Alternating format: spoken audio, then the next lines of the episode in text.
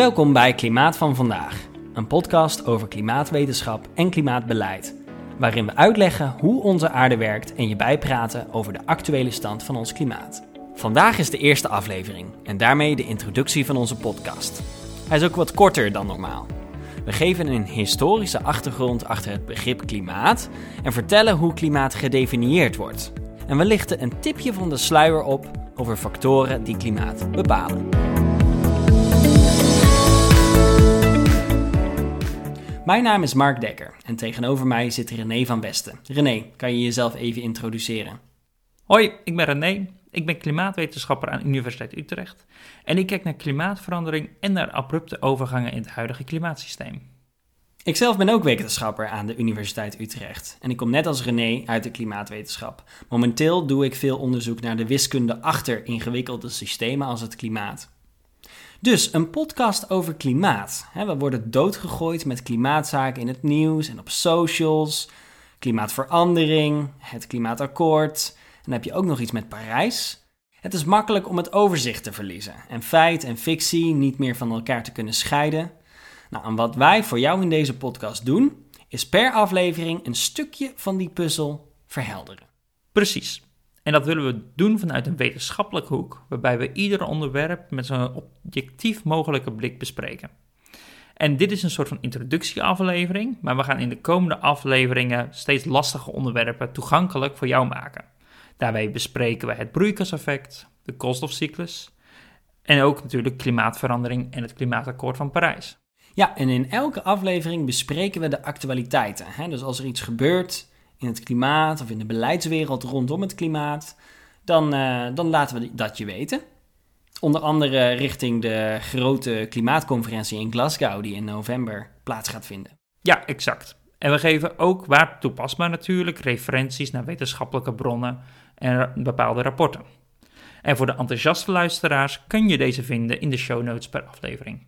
En uiteraard nemen we graag jullie input ook mee. Dus als je vragen of opmerkingen hebt, mail dan naar klimaatvanvandaag.gmail.com. En dan nu naar de podcast.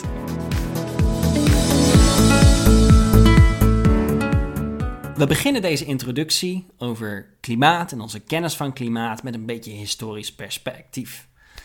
Waar komt nou eigenlijk eh, het woord klimaat vandaan, het begrip en onze kennis? Nou, en als we dat gaan bestuderen, dan moet je all the way teruggaan naar het oude Griekenland.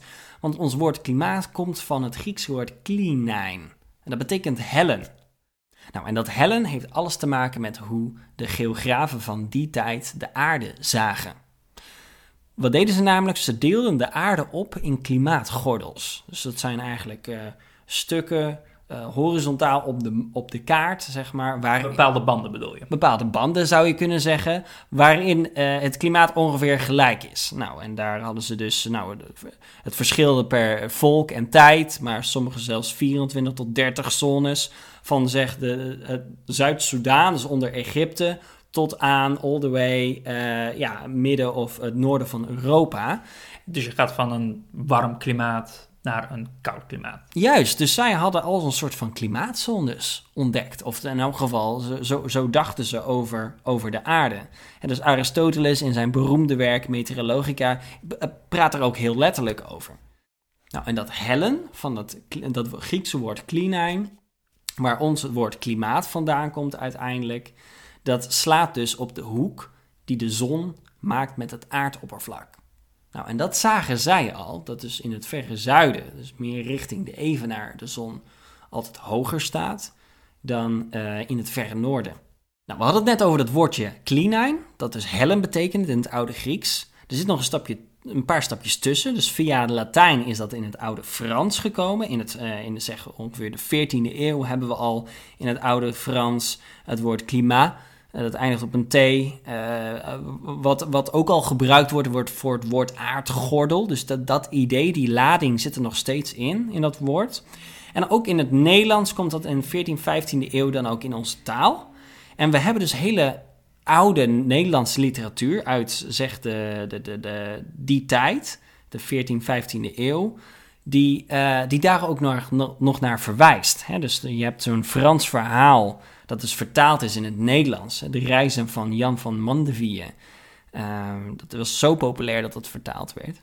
Ik lees nu een stukje op, als ik het goed uitspreek. Wie zijn in den zevende klimaat of de graden van der manen? En dan praat hij dus over van wij zijn in het zevende klimaat. dus dat refereert dus ook al naar de zevende aardgordel. Maar goed, tot, nu toe zijn het vooral ehm, ervaringen van mensen of wilde theorieën zoals van Aristoteles. Uh, maar ja, er was niet heel veel consistent of vergelijkbaar tussen, tussen ehm, nou ja, echt uh, observaties en eh, er was nog weinig begrip van het klimaat gekweekt. Dus daar kwam ook de behoefte aan apparatuur op. Om goed te kunnen beschrijven wat er precies met ons klimaat gebeurt, misschien enige voorspellingen te doen. Inderdaad, wat je net zegt, er was dus een behoefte, zeg pak een beetje vanaf de verlichting, om betere observaties te maken en die ook te kunnen kwantificeren om met elkaar te vergelijken. Want dit geeft meer inzicht over hoe de natuur zich gedraagt. En daarvoor werden dus een verscheidenheid van instrumenten geïntroduceerd. En een voorloper van de thermometer is de zogenaamde thermoscoop.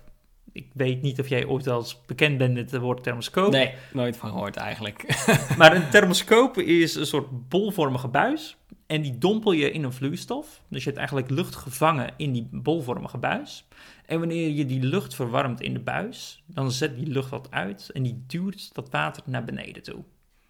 En aan de hand daarvan kun je dus bepaalde temperatuurfluctuaties zien. Dus kouder, dan komt dat vloeistof wat meer omhoog. En wanneer het warmer is, zakt wat die vloeistof in die buis.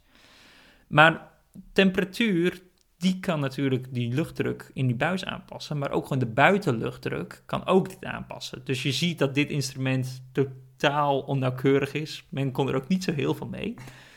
Maar toch, deze introductie zorgde later dus voor uh, een echte thermometer, zoals waarschijnlijk heel veel mensen kennen, gevuld met kwik. Een nauwkeurige thermometer werd pak een beter rond 1700 geïntroduceerd, ook in Nederland. En daarmee hebben wij dus in Nederland al meetgegevens, dus weer meetgegevens over temperatuur. Die stammen dus al af vanaf 1700 tot aan de dag van vandaag. Ja, en naast al die observaties, die natuurlijk ontzettend belangrijk zijn om uh, ja, eigenlijk uh, de, de, de kennis van ons klimaat uit te breiden, kwam er ook steeds meer begrip in termen van de natuur en wiskunde erachter. Hè? Dus dat is eigenlijk een, een, een tweede ontwikkeling die je tijdens deze tijd ook hebt.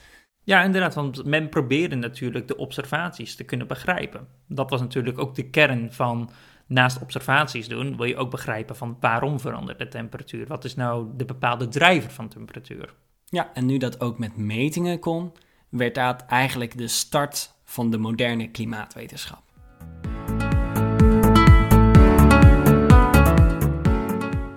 We hebben het net hiervoor over de historie van klimaat gehad, maar laten we het nu hebben over het hier en nu. Dus wat is nou per se de definitie van klimaat? Als je naar de definitie van klimaat kijkt, dan zou je dat uh, simpelweg kunnen zeggen dat het het gemiddelde weer is over een periode van 30 jaar. En wat en waarom nou die per se die 30 jaar? Laten we beginnen met de wat. Wat, wat houdt dat nou precies in? Kijk, het klimaat en ook het weer, um, die heeft eigenlijk twee belangrijke aspecten. Die weliswaar met, met elkaar te maken hebben, maar die worden uh, vaak apart genoemd. Dat is temperatuur en neerslag temperatuur is eigenlijk in de atmosfeer bepalend voor heel veel dingen. Dus voor de druk, voor bepaalde um, voor wind, um, voor uh, bepaalde stromen in de atmosfeer. Uh, en natuurlijk ook gewoon voor nou, het groeien van planten en het aangenaam buiten kunnen lopen en dergelijke. En, neerslag heeft nog een aantal extra factoren daarbij, maar vaak zijn dit twee dingen waarin veel nou ja, uh, klimaattype en ook ons weer, als je kijkt naar je weer-app, worden uitgedrukt. Dus als je het over die twee dingen hebt en dan over, nou zeg, uh, je praat over het klimaat in Utrecht, kijkt naar de, de temperatuurontwikkeling van de afgelopen 30 jaar en daar een gemiddelde van neemt, dan heb je een redelijke eerste indicatie van het klimaat in Utrecht. Oké, dus dat is de wat. En waarom de 30 jaar? 30 jaar is bewust gekozen door wetenschappers, omdat het een periode is waarin je veel uitschieters kunt uitmiddelen. En tegelijkertijd het nog iets over een specifieke periode zegt. Hè? Als jij een gemiddelde neemt over 200 jaar, zitten zoveel ontwikkelingen in, op- en neerbewegingen van allerlei factoren, uh, waardoor die 200 jaar niet echt iets meer over, de, over nu zegt. En tegelijkertijd, als je één jaar neemt, ja, dan kan het net een jaar zijn waar een flinke uitschieter in zit. Dus daar moet je een beetje tussen zitten. En in 30 jaar hebben ze dat statistisch bekeken dat dat een goede uh, tijdsperiode is om klimaat in te definiëren. Gegeven deze mooie definitie van klimaat, zijn we natuurlijk allemaal heel benieuwd naar wat bepaalt klimaat nou eigenlijk. Eigenlijk is dat een beetje het hoofdonderwerp van deze podcast, hè? En er zijn heel veel verschillende factoren die klimaat bepalen. Nou, we zullen hier natuurlijk even een beetje paar noemen, om toch wel een grove schets voor de luisteraar uh, te illustreren. Nou, dat heb jij al aan het begin genoemd. Dat is dus die klina, dus dat is die hoek van de zon met het aardoppervlak. Dat is een van de belangrijkste drijvers waarom klimaatverschillen over de hele wereld. Neem bijvoorbeeld de Noordpool of de Zuidpool. Daar valt relatief heel weinig zonlicht op gedurende het hele jaar. En op de evenaar staat de zon bijna altijd loodrecht boven het aardoppervlak. Daardoor wordt het op de evenaar vele malen warmer en dan is het op de polen juist koud en ijzig, zoals iedereen dat kent. Dan kun je ook bijvoorbeeld kijken naar individuele landen die even ver van de pool af liggen. Neem Canada en Nederland. Maar Canada heeft een veel kouder klimaat ten opzichte van Nederland. Nou, hoe kan dat nou per se? Dat dat toch dezelfde afstand heeft en toch zijn er verschillen tussen die klimaatzones. Nou, en dit heeft door de oceaanstromingen te maken. Oceaanstromingen, of eigenlijk gewoon een oceaanmassa die aangrenst aan het land, die neemt veel langzamer warmte op en geeft het ook weer veel langzamer warmte af. En dit zorgt ervoor dat de oceaan een dempend effect heeft op het klimaat. Dus wij hebben echt een typisch zeeklimaat, terwijl in Canada dit effect van zee veel minder is en waardoor het meer een landklimaat heeft. Er kunnen veel grotere uitschieters plaatsvinden. En een ander effect is bijvoorbeeld wanneer je kijkt naar stedelijke gebieden ten opzichte van niet-stedelijke gebieden. Want in stedelijke gebieden heb je veel meer asfalt en woningen, waardoor warmte veel makkelijker wordt vastgehouden gedurende de dag. En s'avonds komt al die warmte weer vrij, waardoor het dus ook langer warm blijft in de stad ten opzichte van niet-stedelijke gebieden. Nou, dit zijn er maar drie die we noemen. We kunnen nog een hele lijst opnoemen, maar voor nu behouden we het bij deze. En in de volgende afleveringen gaan we waarschijnlijk meer in op bepaalde details. Ja, en laten we dan even op, op Nederland ingaan, hè? want dat, dat raakt ons, het Nederlandse klimaat. Ehm, er zijn een aantal belangrijke aspecten te noemen uh, in, het, in het Nederlandse klimaat, die misschien ook niet vanzelfsprekend zijn voor de hele aarde. Wij zijn er bijvoorbeeld aan gewend dat het hele jaar door, in eigenlijk elke maand van het jaar, er regen kan vallen. Sommige maanden misschien ietsjes meer dan andere, maar dat verschilt niet extreem. En nou, dat is bijvoorbeeld heel anders uh, voor mensen in India bijvoorbeeld, of Somalië, die te maken hebben met um, nou ja, wat we dan noemen de moezon. Dat zijn korte, relatief korte perioden van een aantal maanden maximum, uh, waarin er ontzettend veel regenval valt. Ook wel drie keer zoveel als uh, in een heel jaar in, uh, in Nederland. maar dat daarbuiten ook langere perioden van droogte plaatsvinden. Nou, daarin zie je direct al hoe klimaat relevant is op verschillende gebieden.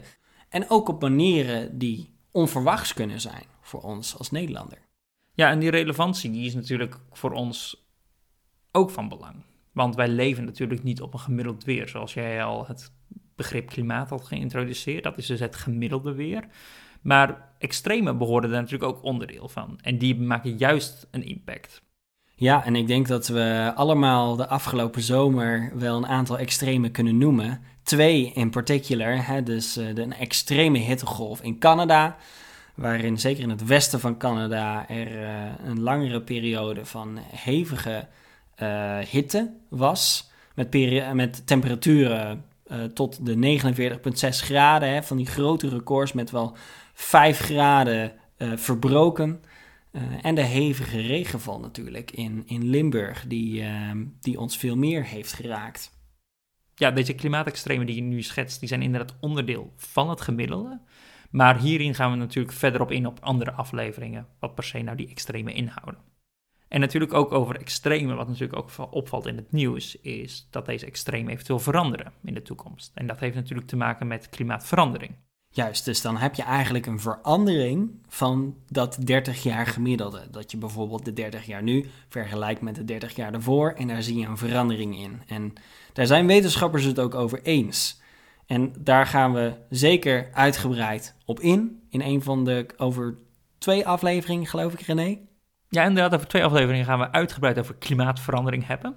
Dus dat komt eraan. Maar de volgende aflevering gaan we uh, inzoomen op een hele belangrijke drijver van onder andere klimaatverandering, maar ook gewoon een, een belangrijk onderdeel van ons klimaatsysteem. En dat is uh, het broeikaseffect en de koolstofcyclus eigenlijk die daar uh, mee samenhangt.